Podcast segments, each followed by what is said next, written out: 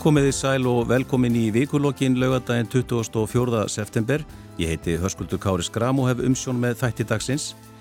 Ég þetta hefur verið ansi stór frettavika vakt til orðatekið. Pútín Rúslandsfossetti bóðaði herrkvæðningu í ávarpið til rúsnesku þjóðarinnar á miðugudag sem markar ákveðin tímamóti í stríðunni í Ukrænu. Rúsar hafa einni ítt af stað atkvæðagreifsli herrteknu héröðunum til að innlema þau í Rúsland. Á fymtudag upplýsti lauruglan hér á landi að tveir menn hefði verið handteknir grunnar um að skipilegja hriðverka árás. Árásinn átti meðal annars að beinast að lauruglu og mögulega alþingi. Nú þetta hefur hundið á stað umræðu um forvirkar rannsóknarheimildi lauruglu og aukin viðbúnað. Hinga til að ræða þessi mál eru komin þau Hafdís Hrönn Hafsteinsdóttir, þingmaður Framsunaflokks, Börkur Gunnarsson, rektor Kvikmyndaskóla Íslands og bladamæður til margra ára og Helga Vala Helgadóttir, þingmaður samfélkingarinnar. Verið velkomin. Takk. Takk. Takk fyrir. Ég ætla að byrja þér Börkur, ég myndist á þessa yfirlýsingu Pútins núna í vikunni. Þú varst í Ukræni sumar á samt Vali Gunnarsinni bladamanni og þið fóru víða. Þú verið einnig starfa á vegum NATO í Afganistan og Írak. Já, hvernig var þessi upplifun eh, í, í Ukrænu? Í sumar þá Já. eða? Já, þetta var, við komum þarna út í júni. Þá er já, um tveir mánuði síðan að uh, rússar voru, verið með skipulött undanhald úr uh, norðurinu og uh, tekist mjög vel hjá þeim uh, og lögðu allan sinn uh, sóknartunga í austrið og dombasýræð og þegar við komum að út um uh, miðjan júni og þá er staðan ansi slæm og maður er að hitta fólk sem er á vikstöðunum eða nýkomi að þeim öll heldur. Og menn eru svolítið svartsýnir og miklu svartsýnir í raun og veru heldur en maður sá í greinum um ástandið Þannig að mm, manni leið svona illa og, og borgurum uh, hérna leið illa. Við kom, komum í Lvíf þar sem nú minnsta hættan, síðan til Kíf og, og síðan uh, Odessa og inn í Mikhailov sem er nú alveg á ílinunni og í Tjernomorsk og maður fann alveg fyrir því að fólki leið mjög illa með ástandið þarna. Þetta breytist hratt þegar hérna þegar hímarsystemin koma og það kemur hérna auka framlag frá Vesturlundum með hátækni vopnum og menn voru svona ekki að gera sér mikla vonur um að það breyti miklu því að þetta er nú ekki mikið magn vopna en þau eru það öflug og um, úkrænumenn nýttu þau það vel að uh, stanslaus og bara markvis en samt hæg sótt rússa stoppar. Og uh, þeir taka þarna Severó Donetsk þegar ég er að núti, þeir taka Lisitjansk og þetta lítur fyrir illa út. Og maður fyrir að hugsa að þarna á þessum tíma eru þeir bara að fara að taka þetta hægt og rólega. Því þeir voru að skjóta svona um tíu sinnum fleiri eldflögum og fallbissaskotum á Ukrænum en heldur en þeir gáttu skotið tilbaka og en það verður svona stalemate eða sagt uh, stoppar allt þarna, já, í byrjun júli og þannig er staðan allan tíma sem við erum að sko. ég uh, við erum ekki að það er ekkert skotið, ekkert kemst í gegnum varnarkerfið þegar við erum í kýf það var ekkert skotið á líf þó svo að viðvörunarbjörnuna færu oft í gang en uh, maður lendi í einhverjum árásum hérna í Odessa en einhverja hættu því þetta var um, þeir byrjast vera með á hérna höfnina þegar þeir skutu eldflöfum þangað. En þú hefur verið á átakasvæðum áður eins og ég myndist á. Var þetta öðruvís upplifun? Allt öðruvísi, með að við eins og í Íraka þá voru náttúrulega 70-80 sprengjar og sér á og græna sig við það sem ég bjó á hverju einasta degi. Þannig að þetta var allt öðruvísi ástand og ég þurfti að koma í gýr að sko ekki líta of kærlust á þetta. Því að hérna, maður, uh, man, það er ekkert sem að mun nokkuð tíma játnast á við sko þess að 15 mánuði minni í bagdagt. Ég kem akkurat þangað út þegar kostningarnar eru og ástandi er hvað verst. Sjálfsmóðsbringi ára sem höfðu verið inn á svæðinu og það var bara einhvern veginn stanslega stríð frá mótandi minnættis. Þannig að ástandi þarna er náttúrulega allt verið sí og uh, ég uh, var ekki að fara á víkstöð, ég reynda að forðast eins og ég gæti að fara á víkstöðunar. Ég hef sjálfur unni við að vera að taka við blagamennum hérna í 2,5 ár fyrir NATO og uh, mér finnst mjög þreytandi að vera að vinna með einhverju svona hálfgerðu stríðstúristum skilur og vera að retta þeim og láta þá vera að taka hérna plássið og ég taldi ekki af að eitthvað umfram þess að háþjálfuðu hérna bladamenn alþjóðluðu sem voru hérna að færa frettir af vikstöðum sjálfum Já. á výluninni þannig ég reyndi að halda mig sko frekar það sem að ég var ekki fyrir heldur að geta gert eitthvað og gefið af mér. Og uh, við, við vorum uh, þarna, við fylgdum einhverju sveit sem var að fara vatn til Mikalov að þeir báða okkur um það að koma með því að hérna til þess að flytja frettir af því. Og það var uh, mjög fallit að sapna vatn í, í, í hérna brúsa og fylgtir vörubílar og um, flutningabílar og kerðir til Mikala því að það var uh, ferstvatn uh, það voru skattaðar allar pípulagnir og það þurfti að koma með í brúsum. Voruð aldrei hrettir? Nei, alls ekki. En hérna, nú er sko, sáum við það að Úkrænur hófis að sókn uh, fyrir þessum mánuði. Þeir hafa nátt töluverðu landsvæði tilbaka uh, Putin bóðar þessa herrkvæningu uh, talað um 300.000 herminn hið minsta heldur að það muni breyta eitthvað gangi strísins? Þetta er, þetta er eins og ég segja, stelmið í júli og í byrjun, og águst eil allan líka, en í byrjun september byrjaði þess að sókni Ersson og um, rússar verðast að sko, komið miklum herabla þar fyrir þannig að sókni gengum í ítla í Úkrænumennum en svo kemur þessi sókni í arkíf þar sem þeir ná sko, stórkostlegur árangu Úkrænumenn. Þetta viðbrað Pútins, þetta herútkall Eh, það má benda á það að á síðustu rúmum 100 árum í Rúslandi og Sovjetríkjunum, við tökum Sovjetríkjana sem rúsneska, að eh, þá hafa ekki verið herrkvanningar eh, nema tveisar áður og það var 1914 í fyrri heimstyrluturinni og 1941 í setni heimstyrluturinni. Þetta er þriðja mm -hmm. á þessum rúmu 100 árum. Þetta er fyrst og næst merkjum að þeir eru ekki ráða veðið ástandið, þeir eru að tapa Þetta eru mikið landsvæði sem að Ukrænuminn hafa náð undir sig og um, ég hef séð alls konar greiningar á þessu og misvísandi. Uh, ég las ítalega greinum að þetta væri raun og verið bara til þess að koma í vekk fyrir að menn gæti ekki, hérna, rúsneski hermi gæti ekki hafnaði að taka þátt í aðkjörunni, að ná þeim. En svo hefur við lesið fréttur um að sko þetta sé verið að mobilisera uh, mikið af þessum 300.000 manna herliði. Þannig að það menn verið bara að sjá til en þetta 300.000 manna manna herlið er ekki vel þjálfat og ekki með reynslu ég, eh, það, maður er erfitt með að ímynda sér að eh, það muni breyta miklu einhverju muni að breyta En uh, það sem breytir kannski mestu er að Putin er óbeint farin að hóta kjarnokkuðu sprengju árás og ef ógrænum en halda áfram að vinna svona mikið svæði þá tel ég það meira en mjög líklegt að hann muni nota kjarnokkuðu sprengju á svona taktikal njúklirbom á svæðinu. Já, e, nú snýðum ég með ykkur, ykkur hérna, Helga, er, ættu við óttast stegumögnun? Er þetta fyrsta skrefið í einhverju stegumögnun? Já, ég halla mér nú bara aftur og hlusta á börg. Ég hef enga viðlíka reynslu af, af stríðs ástandi uh, og hann.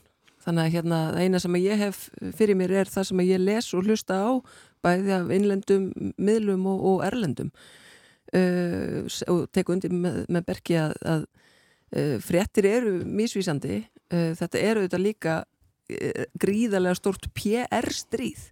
Og það er það sem er svo hryllilegt við svona stríð að við erum annars vegar að, að horfa á sko, uh, hérna, tilraun til þjóðarmórs. Og hins vegar erum við að horfa á einhvern svona leik í fjölmiðlum. Uh, hver hérna hver nær sko pér uh, sigrinum. Og, og það einhvern veginn það, því að þá verður alvarleikin einhvern veginn minni þegar að það verður að slásta á þeim vikstöðum að reyna að sækja einhvern trúverðuleika en, en mér sínist samt af svona alvöru miðlum að, að hérna að styrkur Pútins og, og, og, og Rúslandsherrs fari mjög þverrandi. Og mér heyrist, heyrist á öllu að, að það að hann, hann kalli út þetta auka herlið, það er ekkert alveg í hendi að því að bæði eru herrgögnin sko langt í frá sambarli við það sem að hann hafði í byrjun. Hann, hann teplir fram sterkasta fólkinu sín í byrjun og öflugustu græjónum og nú er hann einhvern veginn komin á einhvern varatang og, og það hefur auðvitað orðið mikið mannfall í, í hans herliði, alveg gríðalegt og, og líka bara tækjum og tólum. Þannig að sko auðvitað verður fólk hættulegast þegar örvendingin er mest en ég, ég er ekki vissum að hann fái að komast ánga sko. ég held að, að það sé líka komin svo mikill flótti í ja, ég held ég, ég, aftur, ég er að ég er bara já, já. Að, að útvarpa því sem ég er að uh, lesa já, skil, og skil. Veist, að, hérna, að, að það sé líka bara komin svo mikill flótti í að hans nánasta kjarna, hans nánasta ring að þar er fólk farið að evast svo verulega um að þetta sé til einhvers að ég held að hann mun ekki hafa þann styrk sem þarf þegar hann, hann ætlar að fara að bóða eða, eða fyrirskipa kjarnárós. Ég held ekki sko. Ég, ég, mér heyrist það. Já, já, hann hefur svo sem notað nota, sko. nota þessa orðræðu áður alveg frá því að stríði, frá byrjun stríðsins. Eh, Haldís, nú er þessar atkvæðagreislar í gangi í þessum herrteknu héruðum. Afsakið, flesti gerir á fyrir að niðurstaðan sé fyrirfram ákveðin og, og, og innlimun verði samþygt með svona þægilega góðum meirfluta. Eru einhverja líkur á því að þessar atkvæðagreislur eða niðurstöðu þeirra verði viðurkendar á allþjóða vettongi? Um, eftir því sem að ég lest þá er svolítið svona erfitt að átta sig á því bara hvernig, veist, hvernig samstæðan er með það og ég held bara að eina sem við höfum, höfum í því er bara að sjá hvað verður. Við veitum aldrei fyrir og verðum bara að spyrja á leikslökum sko. En eins og ég segi, við, ég tek undir með helguvölu og halla mér aftur að hlusta á börg því að það er slík reynsla er eitthvað sem að við, við hinnar sem setjum hérna við borðið getum ekki að setja okkur, setja okkur í þessu spór en ég held að það sé mjög mikilvægt að við, við stöndum saman e, í alþjóða samfélaginu um það hvernig við ætlum að stíka áfram í, í þessari baratu því að veist, það er aukinn polarisering í heiminum og það er það sem að hræði mig mest. Og svo samstafa er uh, mjög þjætt finnst manni. Já, já. Og það er, það er gott að finna það. Æ, sérstaklega innan Evrópu en, en líka innan NATO og, og saminuðu þjóðana líka það já, er standa allir mjög þjætt, þjætt saman í já. þessu þannig að ég held að við þurfum ekkert að hafa áökjur af því að við munum ekki uh, standa saman aða leikslokum en við þurfum líka bara að það er svo erfitt að segja til Börgur Emmitt, þessi atkvæðagreysla, þetta snýst náttúrulega um það að rúsa geti sagt, heyrðu þessi héruð sem við erum núna búin að hernema, þetta er núna orðið partur á Rúslandu og ef Úkrænum er náttúrulega ná þessum héruðum tilbaka þá er það að ráðast á Rúsland og þar alveg endur opnast þetta fyrir þessa þennan möguleika sem þú nefndir að beitingu kjarnavopna að því að það er skrifað í, í svona eh, herbækur rúsa, slík vopn verð ekki nótu nema að það sé gerð bein árás á Rúsland til að verja ríkið. Mm. Er þetta markmið? Er, er hann að, veist, að nota þetta, eh, þessa atkvæðagreyslu til þess einmitt að geta sagt þetta? Þetta er eitt af uh, markmiðum hans, eitt af mörgum markmiðum hans.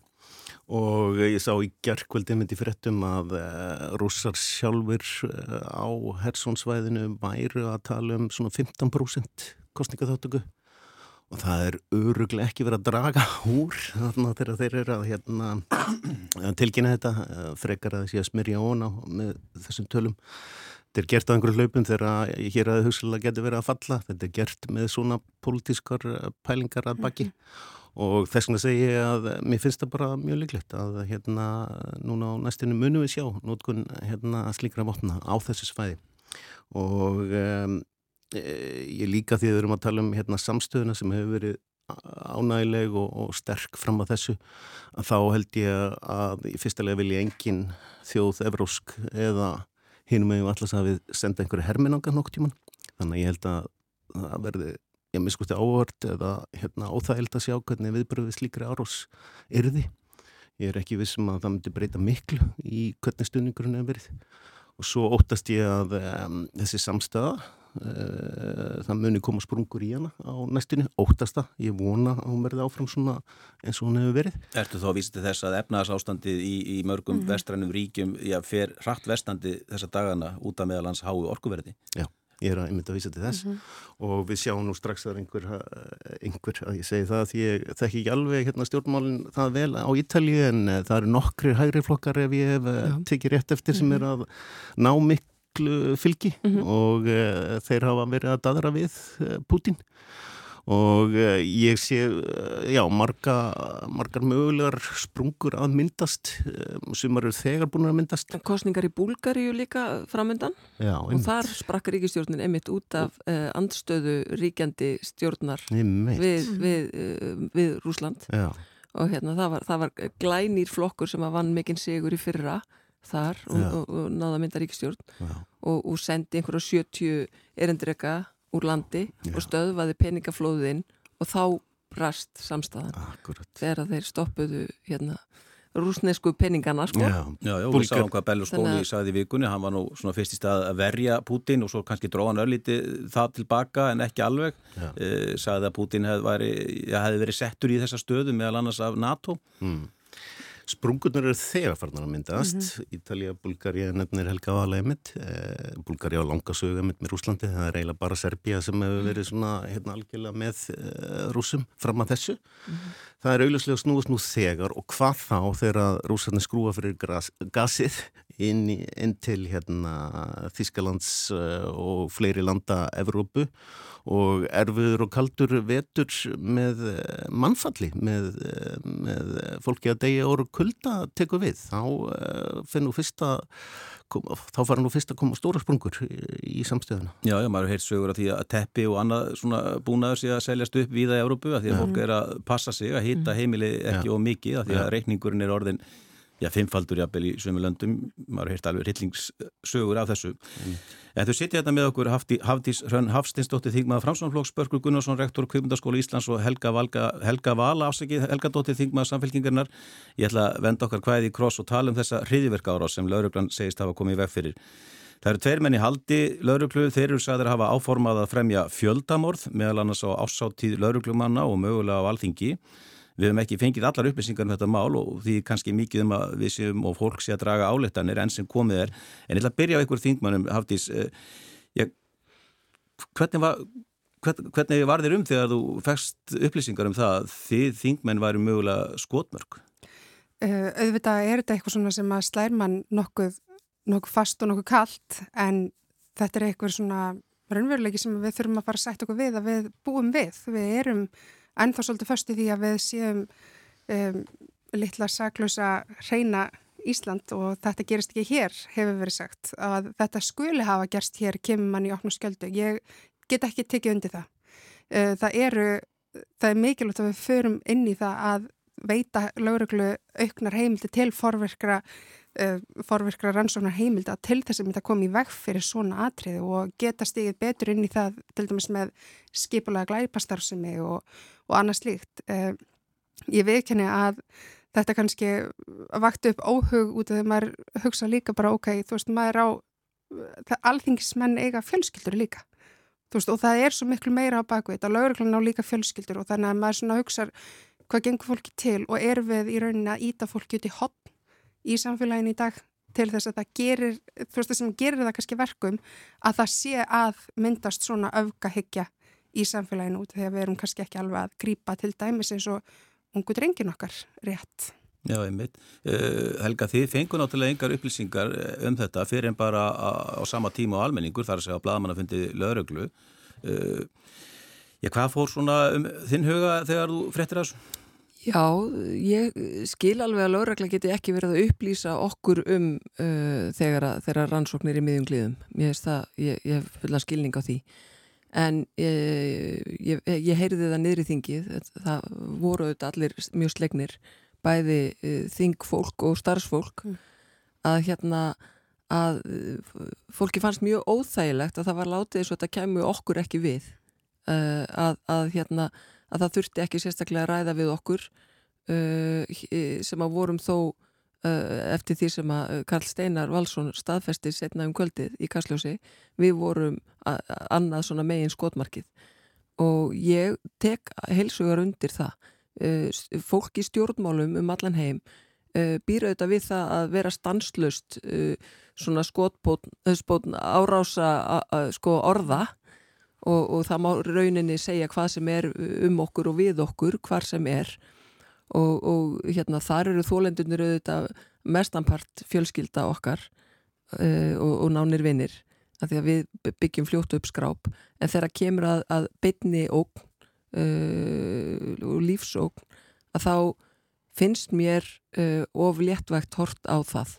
Mhm. stjórnmálafólk er, er tekið af lífi í hverju mánuði ringin í kringum nöttin. Það, það er staðreind, rétt eins og fjölmjöla fólk sem er líka í beinni hættu stanslust og hérna þetta er ógnvið líðræðið og mér finnst skrítið að uh, fá til dæmis ekki staðfest uh, strax uh, hvort að einstaka nöfn, einstaka þingmanna hafi verið þarna Já, eða þetta. hvort að það hafi verið engungu stopnunin alþingi, ekkert engungu það eru auðvitað graf alvarlegt mál. En þetta eru upplýsingar sem að þarf bara að reynsa og við, við eigum rétt á því að vita það. Rétt eins og í sumar þegar rússar sögust hafa sett hérna stjórnmálamenn á svartan lista þá óskaði ég strax eftir upplýsingum um það hvort að mitt nafn væri þar. Af því að ég tel að ég eigi rétt á að vita hvort að mitt nafn er á svartum lista eða hvort mitt nafn sé nefnt þegar kemur að beitni lífsókn. Mm. Og mér finnst skrítið að ég fá ekki að vita uh, af því. Hvað varðar hins vegar þennan atbyrð allan að þá finnst mér hann vera byrtingamind af vanræktu samfélagi, bara því miður. Uh, og tek undir það sem að hafði í sæði uh, við þurfum að hugsa gömgefilega hvað við erum að gera í skólum landsins, hvernig við erum ekki að sinna ákveðnum hópi, sérstaklega drengja. Og ég hef lagt fram þingmál um það uh, sko hvernig við ætlum að mæta því að háskóla landsins til dæmis eru núna að útskrifa 70% konur og 30% mm -hmm. karla og það uh, félagslega misvægi sem að myndast í samfélagi við þetta er stórkuslega heitlegt. Það er það og við eigum að, eigum að fara inn í það og hugsa hvað er það sem að gera verkum að karlar eða drengir finna sig utan gáta í íslensku skólakerfi. Þeir, þeim finnst eins og þeir tilheyri ekki þarna inni að þetta sé ekki staður fyrir þá uh, og, og, hérna, og þetta rosalega misvægi er óeðlilegt. Okkur tókst að rétta af misvægið þegar konurna voru miklu færri sem að fengu framhaldsmyndun en núna virðist vera sem að bara samfélaginu sjálfi sama af því að það hallar á, á hinvegin og það er mjög það er hættuleg þróun mm -hmm. þegar verður svona mikið Já. misvægi. Við skulum, skulum fara að ræða þennan punkt kannski ölliti síðar en, en Börgur hérna þegar þú frettir af þessu, þetta er eitthvað sem maður kannski ekki vanur að heyra á Íslandi að það sé einhver hriðjuverka árás, árás í undirbúningi uh, Já, hva, hvað hugsaðu þú? Eh, fyrst myndi ég bara vilja segja Eh, mér líður eins og þeim leið án, mér langar bara til að halla mér aftur og hlusta á þær því að mér finnst þetta mjög hérna, vel orðað og bara rosalega góði punktar sem að hérna, þau komið inn í umræðinu. Ég persónulega bara leikmaður, skilur, fyrst þá held ég að þetta hlita að vera eitthvað íkt en uh, svo heyrir maður að svo er alls ekki. Ég bara skil óta lauruglumanna á átsáti þeirra að það sé einhverju vangöldur við það, ég skil óta alþingismanna uh, fjölskyldur uh, þeirra og maður veldi fyrir sig hvað alþingi er ofsalega illa varið.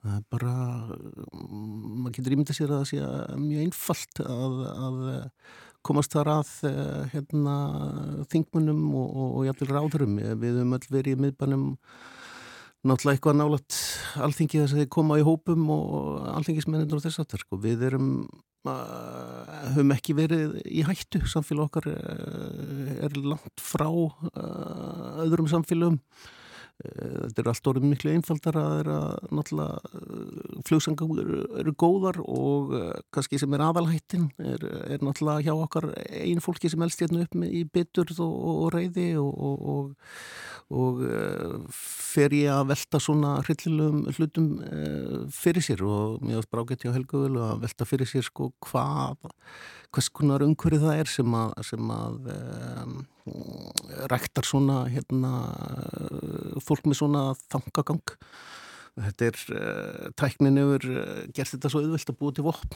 og uh, við sáum það náttúrulega. Ég verða að segja eitt og núna er ég bara við vitum ekkert hvað var að gerast en mér var smá létt að og ég veit ekkert hvort það er eðlilegt eða ekki að þetta væri einhverju svona þú veist, vittlesingar skilur þeir virtist vera með glæpasögu og, og vera að þvælast um eitthvað að skjóta öðru tilitni af því að það er svo hræðilegt þegar svona menni svo breyfik sem að er ekki á ratar hjá lauruglunni þegar svo leiðis menn sem ekki er á sakaskraf ekki komist í kast við laugin ákveða að einbetta sér að svona svakalegri ílsku mm. og taka tvö ár tvö mm -hmm. ár sem mann hafði 700 og eitthvað dagar í að sko, skiptum skoðun nei, hann var ekki glefmaður ekki út úr dópaði berjandi fólk út á götu heldur bara algjörlega rólegur ekki á ratari á lauruglunni og tók ákvörðun og frankandi því miður og vel þennan hryllilega glæp sem að sko við munum muna með að við lifum mm -hmm. og ef einhver slík týpa myndi þróa eða byrtast hér á Íslandi þá er það náttúrulega svo skelvileg hvað hægt er að koma í framkvæmt sko þannig að ég, lýsi þessar smá svona létti með þetta væru svona hérna vittlesingar að mér er líkur og þeir komist á lauruklunum og séu gripnir eins og þessi voru. Já, þú talar um viðbúnað uh, uh, haftist þú myndist líka á þessar forvirku, forvirku rannsóknar heimildir og, og Uh, sem hefur verið talað um, ekki, þetta er ekki að byrja núna, þetta hefur verið talað um þetta í mörg ár og lauruglan hefur kallað eftir þessum heimildum. Já, svona fyrst, hvað fælst í því uh, þessu, ef að lauruglan fær forvirkar rannsóknar heimildir? Sko, um, ég ætla að fá að bakka aðeins. Við, mm -hmm. sagt, ég, í mínu fyrrastarfi, þá var ég lögfræðingur hjá nefndum eftirlitum lauruglu og þar sá, sáum við bara svart og hvítu hversu mikilvægt það var fyrir lauruglu að hafa þessar heimildir til þess að geta farið og aðtugað án þess að það væri bara beint einhver raukstutur grunur um að glæpur hafi verið framinn að það sé líklegt að glæpur muni vera framinn. Það er í rauninni það sem að þessar forverku rannsóknar hefur vilt gera er að gefa lauruglu þau, þau, þau verkfæri í rauninni upp í hendunar til þess að geta fylst með þegar að hér koma til dæmis eins og við forðum okkur frá því að sko einhver, einhver aukahópur erlendis frá komi hérna og taki upp samneiti við þessar menn sem að voru að verki núna í vikunni. Uh, það, er, það er líka það að geta fylst með því hvað er í gangi áður en að glæpurinn er framinn. Og þetta er eitthvað sem ég tel mjög mikilvægt að við höfum og það hefur verið gaggrínt að já hvað þá laurglinn getur þá bara að ferða að fylgjast með hverjum sem er. Nei, það er ekki þannig Lauruglan verður náttúrulega að hafa raukstutunum grunn um það að það sé hérna aðilar sem að eru að fara ætla sér eitthvað. Þetta er aldrei þannig að lauruglan fari bara hérna allt í henni að fylgjast með húsinu og helgvölu út af því að veist, henni, hennist sínist svo. Við verðum náttúrulega að gefa hérna, lauruglan okkar betra, betra fyrir ekki að kredit heldur en svo. Það eru allir að gera ótrúlega flotta hluti og vinna gott starf og þetta er bara partur af því að ebla lauruglan okkar við, við verðum að geta gert þetta með þessum hætti. Helga, er, ertu samálað þessu? Er þetta nöðsilegt til þess að við getum já, tryggt öryggi í borgara hjörlandi? Uh, sko, ég hérna lít svo á að, að, að lauraglan hafi uh, unnið uh, mjög gott starf við það að koma í veg fyrir það sem að væri bígerð og, og hvernig gerðu þau það? Jú, með því að, að komast á snóður um að það væri yfirvofandi án þess að hafa forvirkar rannsóknar heimildir Lörglan virðist geta gert það. Hún, hún, hún hefur til þess ímistæki og tól nú þegar. Uh, Lörglan hins vegar hefur verið vann fjármögnuð um langt árabil. Það eru allt og fáir uh, lörglumenn uh, uh, viðstörf og það er staðrind. Það eru færri í dag en voru fyrir hrun Viti, með allan þennan óbáslega fjöldaferðamanna og, og mikla fólksaukningu á þessum tíma. Þannig að uh, við þurfum að byrja á því að ebla laurugluna uh, gera þeim kleift að, að vinna vinnuna sína betur áður en við förum að hugsa um þetta af því að á meðan að það er erfitt að manna vaktirna til þess að, til þess að sinna grunn þjónustunni að þá, þá er tónt mál að tala um að fara fara í uh, uh, viðbótar vopnaburð og þess aftar. Uh, við skulum líka átt okkur á því að þegar að við ákveðum að, að, að aðfenda lauruglunni frekar í vopn, þá kallar það á þjálfun lauruglu til þess að bera vopnin. Stjórnvöld hafa hins vegar ekki viðukent það að það kosti ákveðin tíma úr sólaringnum af því að, að það vantar fjármagn til þess að geta mist hluta af mannaplanum í bissuþjálfun, í vopnaþjálfun. Þetta er bara, að, veist, það eru þessi atriði sem að stjórnvöld verða að átta sig á. Að við þurfum að, að þjálfa fólki okkar betur, við þurfum að þjálfa þau í, í öllu, bara rannsóknum og öllu, en forvirkar rannsóknarheimildir segja fræðingar sem að hafa verið að tjási á, á, á undanverðnum dögum að séu ekki að skila fríðsamara samfélagi eða, eða örugara samfélagi, heldur þvert á móti að það, það, það búi til einhvers konar uh, viðbútar ógn og skerðingu á, á réttundum borgara. Þannig að ég er um ekki... Eftirlit samfélagi eða eitthvað svolítið. Já, þannig að ég, er, ég uh, hérna, er ekki vissum að það sé lausnin. Við þurfum að styrkja laurugluna, við þurfum að fjölga þeim, við þurfum að þjálfa laurugluna betur, uh, bæta starfs aðstæður lauruglunar, ringin í kringum landið, uh, fjölga lauruglu stöðum, stöðum sem eru opnar, vitið, þegar gerist eitthvað, þá er skrítið að það takki tvo tíma að, að koma sér á staðin. Það er bara hérna, manniski með bissu sem er að ókna umhverfinu og það bara tekur heila eilíð að bregðast við það því að það er bara engin laurugla sko. Æ, vitið, þetta er staðan.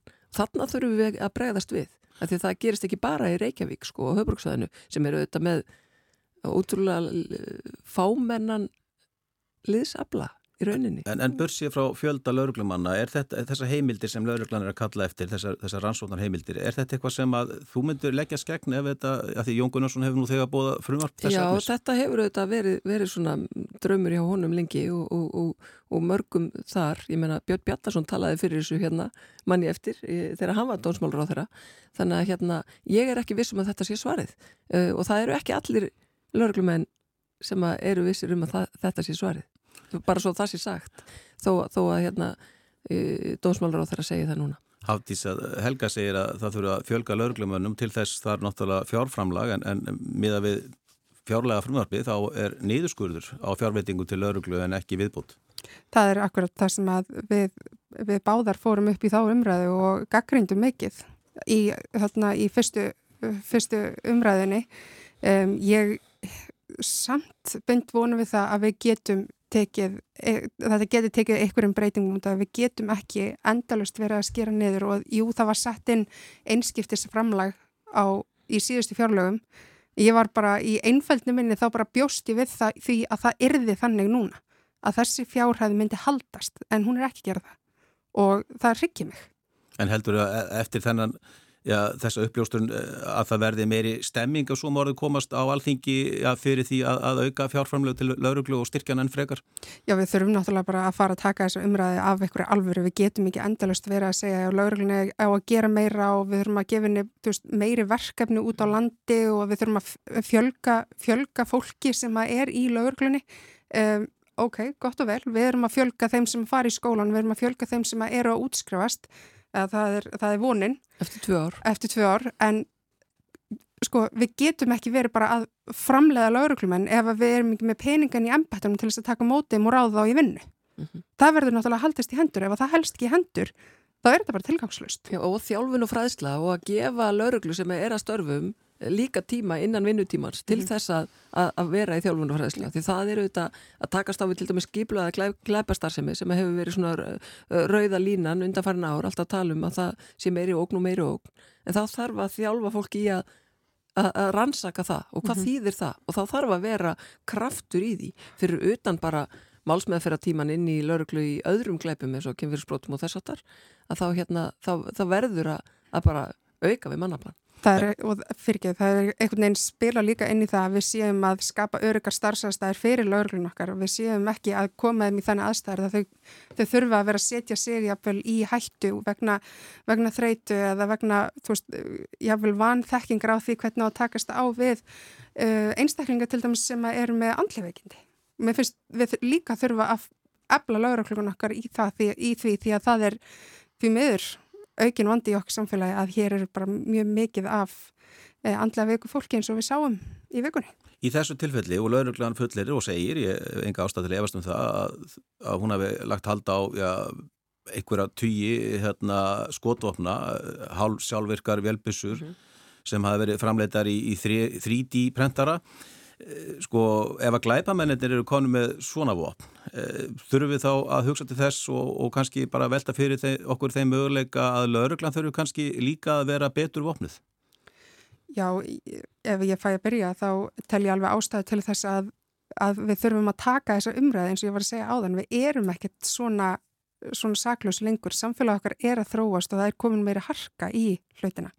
Um, að við séum að fara að vopna laurugluna, ég held að þetta sé umræði sem að eigi þurfa aðeins að þroskast. Við þurfum að byrja að ræða þetta, við þurfum að byrja að átt okkur á stöðunni. Um, ég myndi vilja sjá betra aðgengi hins vegar, eins og staðinu núna fyrir lauruglu aðvopnum eins og við sáum hérna í vor þá reyndist að lauruglu erfitt að vopnast jáfnvel þótt að það var svo sannlega tilöfnin til þess að mm. grípa til skotvopna að þá fenguður ekki réttar upplýsingar til þess að geta nálgast kóðan og þurftu ítrekka að ringja og svona skapar hættu fyrir lauruglu og fyrir samfélagið. Við þurfum að byrja á því að geta vopna lauruglun okkar almennilega og gert það almennilega áður en við fyrir að ræða það að, uh, að lauruglun eigi að vera með byssu á, á mjöðum. Mm -hmm. Sko þetta er svo sem ekki í fyrsta sinn sem að, sem að já, stjórnmálamenn eru skotmörk mann átt í bæ. Við sáum þetta sem gerist eh, hérna í borginni þegar var skotið vissulega á bíl borgarstjóra þó sem betur fyrir enginn hafi verið í bílnum þegar árásin átti sér stað. Eh, það var líka komið fyrir sprengju fyrir framann stjórnaráshúsi þar sem fósættisráþara og ríkistjórnin funduðu. Eh, ég man ekki hvort að fundur hafi verið í gangi þegar sprengjun var komið fyrir en allavega er þetta skrifstofa fósættisráþara á sínum tíma. Eh, það var engin ákjærður þessum málum. Samt má alveg segja að þetta verið, já, þetta voru alltaf bara beinar árásir á stjórnmálamenn. Höfum við verið að kannski, já, ekki að taka þessi mál nægilega fyrstum tökum eins og þú pentir pinkulita á, Helga? Já, ég, ég, mér finnst það. Mér, mér finnst hérna verið uh, svona hort ofléttvægt á þetta. Að, að þetta sé ég held að það væri hort öðruvís á þetta ef þetta væri hópur gjörgæslulegna eða eitthvað, nei ég sé svona. Já, Ég tek heilsugur undir þetta, ég held að við þurfum að taka þetta mun fastari tökum og horfa á þetta graf alvarlegum augum því að þetta er að aukast. Já, sko þið komið líka inn á þennan punkt aðna varandis öfgavæðingu í þessu tilviki já, er hefur komið fram að, að eitt þeirra sem var annar þeirra sem var handtekinn, hann hefur haft miklar mætur á norska fjöldamorðingjónum Anders Breivik sem að þú myndist á börkur. Það er einnig verið að tala um tengsl við norra nínasista samtök einhvers konar og, og, og allt þetta tengis náttúrulega þessari öfgavæðingu sem við erum að sjá víða í útlöndum. Er þetta eitthvað sem við þurfum að hafa áhugir af hér á Íslandi, hafði svo í byrjuð þér? Já, við erum ekkit undan þegin þessu og aukin pólusering í heiminum e, smitast hinga líka.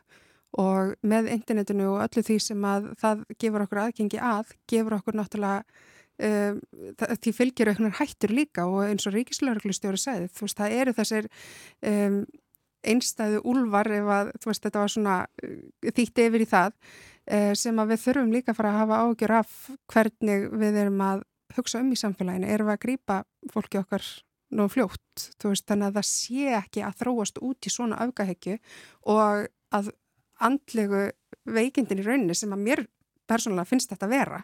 Að þú veist að vera í einhverjum hópa skipulegja að taka niður laugjastlu á Íslandi og, og aðstur, aðstur áðamenn að þá, þá finnst mér grav alvarlegt að við séum ekki að hugsa að þetta kemur ekki hingað, auðvitað er þetta hér og aukinn polarisering í heiminum hefur áhrif á okkur hérna líka.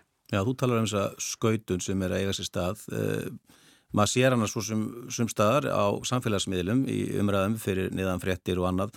Uh, verður þú mjög var, vör við þetta, Helga? Já, já. Ég, öll sem að, sem að horfum á samfélagsmiðla og hlustum á, á, á fjölmiðla bara bæði hérlendis og, og, og erlendis, sko. Al, algjörlega. Það er það. Og, og ég er svona, ég er svona, ég held aðeins varhug við að, að tala mikið um, um andle veikindi. Ég, ég hverki séð á það minnst að um hafi verið að ræða einhverja, einhverja veika einstaklinga.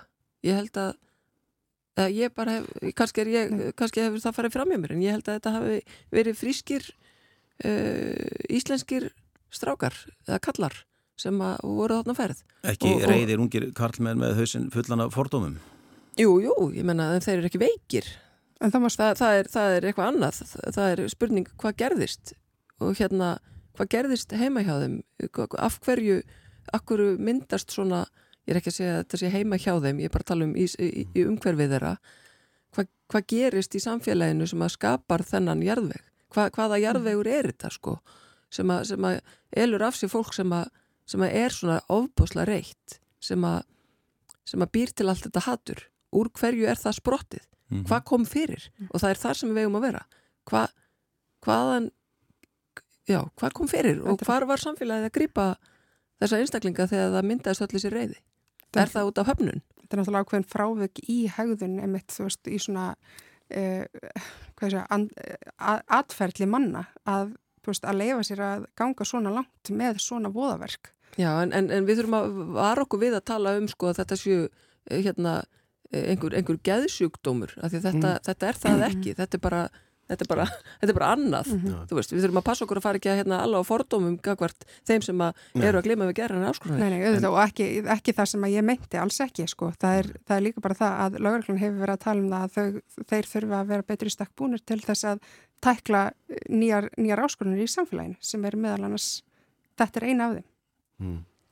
En alls ekki veikir einmitt góð búntur Helga, en hérna ég hafði samt að tilfengna að ég var í rugglinu, var eitthvað, ég veit ekki hvort það hefði komið fram, hérna getur vel verið að ég sé að hérna, draga á mikla margar álúttinir um já, já, það að þeirra væri út úr dópaðir og eitthvað þess áttar skilur en það kannski, nei, veistu að þegar ég hugsaði tilbaka, það hefur hverki komið neitt fram um slikt sko.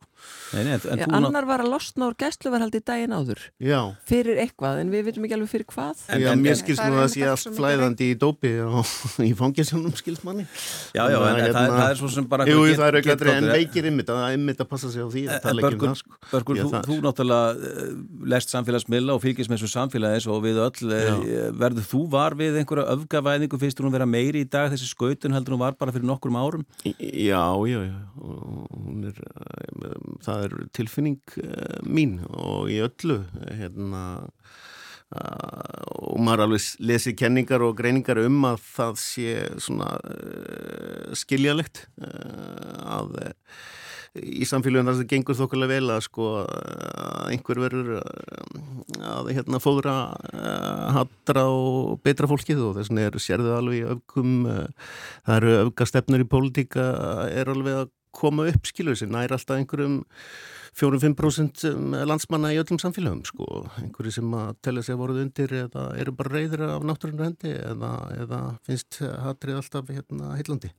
En hérna að því að þið voru að tala um meiri rannsóknar heimildir og í góri ræði helgu hérna áðan að þá var hún ekki viss þar og ég með þær eru báðar á lögjafarsamkvöndinu og báðar lögfræðingar þannig að ég kasta bara fram sem leikmaður að hérna, miðust, ég hef bara velt fyrir mig sem leikmaður, ekki sérfræðingur að lögreglan er mjög svo bundin í öllum svona rannsóknum og hvað er með að komast að um mig sem einstakling í þessu samfélagi en svo eru bara alþjóðlega fyrirtæki eins og Facebook og allt sem að veit allt um hann. Og maður svona þú veist og maður finnst það svolítið skrítið því að við erum alltaf að vera einhvern veginn harðar og harðari í því að passa upp á sko einstaklingsupplýsingar allra í samfélaginu.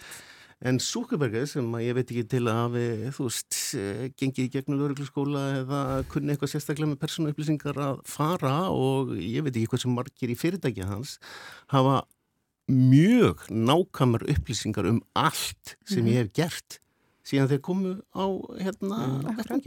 Það er verið að kalla þetta því að, að já, við bönnum Google Analytic eða maður rétt já. sem að Danir hafa meðalans gert. Ég held að Píratar hafa verið að kalla eftir slíku. Það sem er einmitt verið að sapna svona upplýsingum um hann, uh, hvað maður er að skoða hvað maður er að segja. Mm og, og, og svo selt sem einhver gagnapakki til einhverju fyrirtæki og svo þurr geta auglist einhverja jakka eða, eða íþjóttaskó Þessar auglísku sem er beint af mér, það er mjög nákvæmar sko. Já, já, En, menna, en kannski verra, að því við erum að tala um þessu augavæðingu það verra kannski þegar, þegar maður er að fá ákveðnar fréttir eða ákveðnar upplýsingar já. sem eru að mörguleiti bara falsfréttir uh, og þessu eru ótað að manni. Og þá lokast maður inn í einhverjum bergmálshelli sem er fullur af alls konar ruggli og, og, og ekki á engri sko, tengingu við raunveruleika mm -hmm. Já, já, algjörlega og það, það er nákvæmlega það sem að myndast. Já, og það já. er náttúrulega ógeðið í þessu. Þannig eru færustu sálfræðingar sem, að, mm. sem eru að, að djöblast í heilanum á okkur sko, og spila með okkur. Og það er hugsað bara, já það er allir sammála mér. Ná, ég er líka verið svona frábæra því að hérna, það er allir sammála mér. En, en að, að, þetta sem að Börgur sagði sko, með hérna, að Facebook og samfélagsmiðlarnir vita allt um okkur í rauninni sko hvað er það sem að lauruglan þarf til þess að geta farið og, og kannað mm. málið það er í rauninni ekkert meira en bara ábending. E, mig grunnar að börgur sé að hérna, skip, e, undibúa eitthvað svakalegt. Og þá er komin upp einhver vísbending um að mögulega og þá er lauruglan komið með heimild til þess að fara og fylgja þið eftir og kanna, Byttu, getur það verið? Og þá er farið, þú veist en ég menna, e, þeir get ekki farið að hlera síman hans. Þeir þurfa til þess domsúskurð mm. og, og ef að, ef að, ef að hérna ef að grunnurinn er nógu mikill, ef að þeir hafa nógu margt á borðinu sem að, sem að, sem að stiður við þessa tilgáttu að, að börgur sé að plana eitthvað, að þá hérna þá fá þeir þessa heimild til þess að fara og hlera síman hans. Og hann veit ekki af því að því að hann má ekki vita af því að það vera rannsakann þannig að við erum með ymsar heimildir í lögunum nú þegar til þess að leifa laurugluna að fara af stað í rannsókn Ég held, ég held að við þurfum að, þú veist, horfa á þetta í sko stærra samhenginu til dæmis þegar við erum að tala um bara alþjóðlega glæparhingi til dæmis að það er ekki eitthvað sem að kannski almennu borgar er bær til þess að veita ábyrningu um. Veist, Nei, hvar, þá, en þá erum við í samstarfi við, við erum í samstarfi við erle, erlenda lauruglu og, og, og þú veist, Europol líka... og alla þannig að þegar það koma ábyrningar um alþjóðlega glæparhingi mm. sem eru að bara um leið og við komum með eitt link hingað. Mm -hmm. En þá hefur lauruglun samt sem aðu gaggrind að þeir hafi ekki nóg mikið af konkrétt, uh, hvað segja, heimildum í lögum til þess að fara á stað með örugum hætti. Það er svona eins og við þurfum kannski þá, ok, ef við ætlum ekki að fara út í það að vera með forverskar rannsóknarheimildir, þá þurfum við kannski bara að skýra laggrænina sem að hveða á um rannsókn lauruglu en betur þannig að við getum bara í rauninni þannig að lauruglan getur bara að fara á stað og vera bara 100% með það á rauninu bara okkur við erum með þetta hérna þetta er það sem við ætlum að byggja á. Þetta snýst náttúrulega um það að við erum ekki með svona njósna stopnun eins Nei. og önnur ríki. Guðsílof. Guðsílof segir Helga, en, en þetta er náttúrulega það sem að lauruglan er að kalla eftir að fá að vera pingulítið þannig. Já, en uh, er það samt? Ég held að við þurfum að hlusta á það sem lauruglan er að kalla eftir, að hún er að kalla eftir því að geta verið með betri verkfæri í höndunum til þess að geta farið af stað ekki vera að njóstna um fólk bara af því að það, að veist, það bara hendar best. Bara, við þurfum líka að hlusta á laurugluna þegar hún er að kalla eftir ykkur, það er ekki af ástæðuleysi. Ég, hérna, voru veltað þessu fyrir mig sem þið eru að ræða að. Ég persónlega, ég bara líti á mitt persónlega upplöfun og þá auðvitað er lauruglan uh, leg en alveg öruglega minnaleg eh, með alla þessa mentun og ábyrð og, og vitandi líka ef þeir uh, lega skilur að þá hérna missa þeir starfið og æfistarfið og þess að það ég held að það sé svona, þú veist, hægt að treysta þeim betur, heldur hafi sínt það með síni saga þeir að vera þannig. En auðvitað er þetta aldrei viss og átti ekki að gefa þeim of miklar heimildi kannski En ég persónulega sem einstaklingur hluta þessu samfélagi, þetta get ég verið óöppin og lendi eh, einhvers konar hérna, aðgjörða sem að lauruglan eh, þess að vera að sinna hlutverki sínu en eh, ég er fórnalamp, við sjáum það í gerfinsmálun að menn fengu rángar sakagiftir. Sjáum og... það í vikunni þegar sérsveitin mætti á heimili hérna Hvar var það í Kópúi? Einmitt. Óvart. Já, akkurat. Þetta getur gerst, ég áttum á því. Voru það ekki krakkar sem voru í, í, í bissuleik eða eitthvað? Í bakgarðinum. Já. Og sérsveitin var mætt já, og tók niður fjölskylduföðurinn. Já, já. Það er náttúrulega bara tráma, sko. Jú, jú.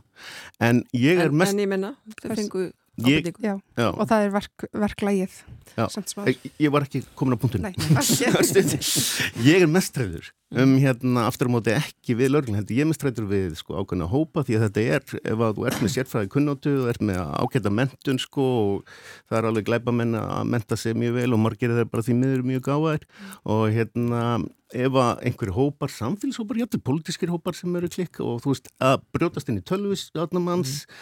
komast á upplýsingum, ofsækja mann á netinu, ofsækja mann í bara með eh, náðu sinni þetta er það sem ég er miklu hrættur um heldur en að lögreglan uh, fari að gera mann eitthvað og þessir hópar, uh, þetta er ekkert mál ef að, ef að, ef að nokkri taka sér saman sko. Akkurat. Uh, skiptum aðeins um umræðafni, það er ekki mikil tími eftir en, en það var svo mikið sem gerist þessa helgi og, og, og meðal þess var þetta Örður svona vendingar í þessu máli sem snerti rannsótt lauruglunar á Norrlandi Eistra á fjórum bladamönnum og umfjöllunum svo kallaða skærulega deild Samherja. Það sem Bjarni Bendilsson formaði sjálfstæðisflokksins og fjármálaráþurra hefur já, verið að tjá sig um þetta á samfélagsmiðlum og átt í svona orðarskiptum við við reittstjóra kjarnans. Eh, nú horfið ég stíft á því Helga hérna, eh, já, hvað finnst þér um þessa já, að, að fjármálar á þeirra og formaður stærsta stjórnmálaflokks Íslands sé að blanda sér inn í þessu umræða, hvað finnst þér um það?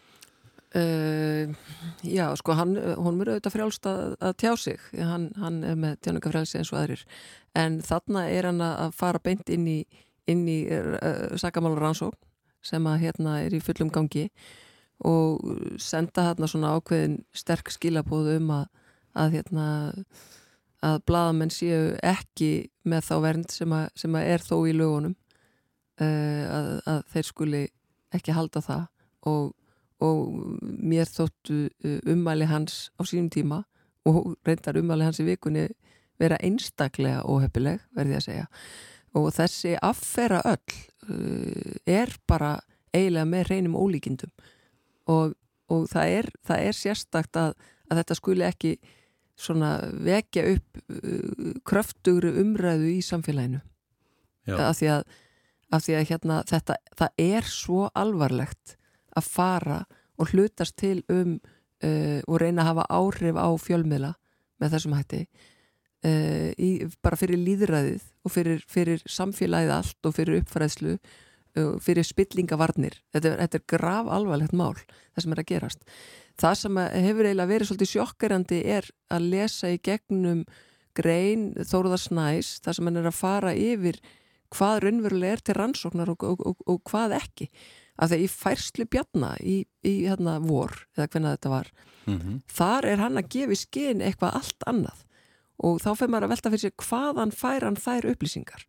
Það var enginn sem las þá færslu sem að hafði á tilfinninguna hann vissi eitthvað það sama og við hinn það var eins og hann væri með einhverju meiri upplýsingar um hva, hver, hvert væri raunverulega rannsóknar efnið og, og, og hver var hinn meinta sög bladamannana Það er oft hann er náttúrulega við fjölmjölamenn, við, við uh, mætum ykkur stjórnmálamönnum og erum að spyrja ykkur út í hitt og þetta en það er kannski ekki algengt að þið séu að, að stíga fram á reytvöldin eh, ráþeirar að svona að eigin frumkvæði að tjá sig um rannsókn, laurugluransókn sem er í gangi. Eh, er það alveg eðlett svo ég horfa á því börkur núna? Og eh, finnst þér þetta svona Ég, hérna, verða að hjáta þegar hann hefur sendið út í vor hann Bjarni Ben, þá líti ég að vera úgræni þetta fór fram hjá mér og líka núna í vikunni þannig að ég er ekki færum að fara að ræða þó svo ég hafi auðvitað, ef við varum á kaffestöðun ekki betni útsending, þá mútti ég taka þátt í umræðum á fullu þá get ég sagt eitthvað sko, rannsóknir sem er í gangi. Ég bara, ég þór ekki, mér finnst erna, veist, að koma einhverja yfirlýsing um það því ég held að svo spurning sko, mm -hmm. væri kannski réttlátrið að kemur fullt öðrum á undan Já, sko í fórsögunni skilur þannig að ég held að ég myndi ekki vilja hérna, svara þessari spurninga því ég er ekki inn í málinn. Nei, en hvað með því Hafdís? Ég held bara að við ættum öll að taka það til okkur að stíga varlega til jarðar þegar það kemur að því að mál eru í rannsókn og að leifa þeirri rannsókn að vera leitt til lykta áður en að mm. Eh, við stjórnmálmenn förum að tjá okkur um þetta og Já. það hafa aðrir ráþrar stíð það skrifa að segja bara ég ætla ekki tjá mig um málið mm. en það verður samt sem áður að viðkennast að mér finnst mikilvægt að við séum ekki að stíga inn í lauruglur rannsóknir með okkar skoðanir því að við veitum jú öll að við erum við erum öll með aðgangasömu upplýsingum og domstólur og lauruglur líka þannig að það er spurning bara hvernig hvernig við erum að fara inn í þetta. En mér finnst bara mjög, mjög varhugavert þegar að um, einstaklingar ótengtir málunni er að stíga inn í það. Kannski, kannski það sem að ég uh, átti við er sko þegar hann fer að dilgja um í sinni færslu að eitthvað liggi, eitthvað búið að baki uh, innköllun bladamanna í skýslutökur sem að reynist svo ekki vera rétt. Og það er það sem að er óhugnalegt þegar að einn af aðstu ráðamönnum þjóðarinnar fer að búa til og fer að íta undir einhverja, einhverja flökkusögur sem að reynist svo ekki vera fótur fyrir það er alvarlegt. Þurft hann að tjá sig um þetta til að byrja með er mín spurning? Nei, nei, auðvitað ekki. Hann kom algjörlega át og þau blúðu það var enginn að spyrja hann sko, en það er alltaf læg. Ég, ég, það, mér, finnst, mér finnst alveg að, ég menna, hann eins og aðrir stjórnmálamenn hafa tjáningafrelsi og, og, og, og maður getur haft skoðun á því hvort að hérna það sé, hvort að, þú, veist, en ekki inn í beint sakarefnið og sérstaklega ekki að fara, fara að, að dilga um hvað, hvað er þarna á ferð þegar að það reynist svo vera bara einhver kæftasaga sko. Það gerist á mándagin að Elisabeth Englandsdrottning var borðið til grafa. Þetta hefur verið langt ferli frá því að hún uh, lést. Uh, Börgur, fylgist þú með þessari útsendingu og þessari aðtöfn? Nei, ég er alltaf með BBC World í gangi í útvarpinu hérna í bílnum. Það er hérna sem ég hlusta mest á útvarp og ég þurfti bara að taka það af og hlusta á eitthvað annað í nokkra vikur.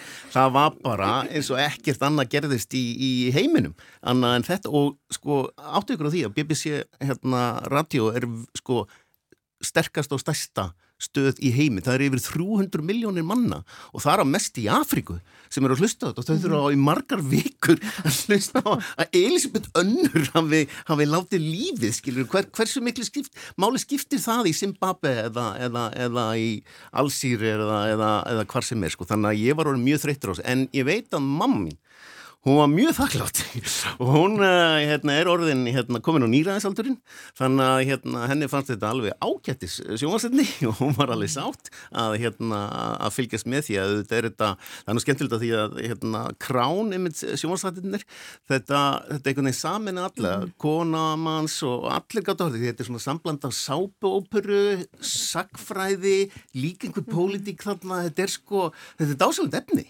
og í sjálf og síðan þess vegna skilji bara mjög vel og ég held að ég, ef ég var komin á nýraðsaldurinn þá hefði ég hort allan sólaringin á, á, á, á þessa gerðafjör og því þetta er allt einhvern veginn politík, saga hérna, og sápa. Hafdís, náðu þú að fylgjast með þessu? Ég náðu ekki fylgjast með þessu, nei. Það var bara fullur, fullur vinnudagur hjá, hjá okkur á mánudagin en auðvitað fylgjast maður með eh, aðdragandanum og svona, þú veist, jújú. Jú setti sér alveg eitthvað inn í þetta og tek alveg undir með bergi þegar að maður svona, þetta er alveg dásamlega saga og bakvið þetta og það er hellingspolítik í þessu sem að ég viðkennum mér finnst ekkert leðilegt þannig að þú veist þetta er náttúrulega bara sögulegt. En þú Helga svona stutt? Sko ég hérna er yfirlistur ekki royalisti uh, kom með perlufest í vinnuna uh, kveikti á útsendingunni. Á, á skrifstofunum minni þar sem ég var að vinna og, og fussaði. Þannig að ég er hérna bara ég er bara seg ég er bara algjörlega en, en svona ekkert nema tvískinningurinn en svona lókunum að því að við erum búið með tíman hvað er svona framöndan hjá okkur um helgina? Viðurspáin er svo sem ekkit sérstök eiginlega bara ömuleg uh, fyrsta haustlaðin mætt uh, börkur, hvað ertu að fara að gera? Ég, beti, þetta er bara eins og meðaltals hérna, hittast ég var í sumar. Þetta er bara besta sumar, 11 stig og rigninga, æðislegt við, ég ætla að reyna að nota það til útiveru þetta er ándislegt Ég ætla að fara og sjá Ababab með hérna, börnum og, og, og, og barnabörnum. Og svo ætla ég að fara í, í, í 90 og, já hvað 5 ára áman Já, það verður gaman Hafdís. Wow. Herðu, ég er að fara að bruna hérðan inn í, í landaðarhöfn og ætla að fara að taka herjólfi yfir til eiga verð þar í dag og vonandi kemst heim á morgun. Já, það er sílt allavega. Já, það er allavega á áallin. Glæsilegt. Eh, Hafdís Börkur og Helga, takk hella fyrir komuna í vikulokkin. Þátturum verður á sínum staða næstkomandi lögadag. Við þökkum fyrir okkur. Verið sæl. Takk, takk. Takk, takk.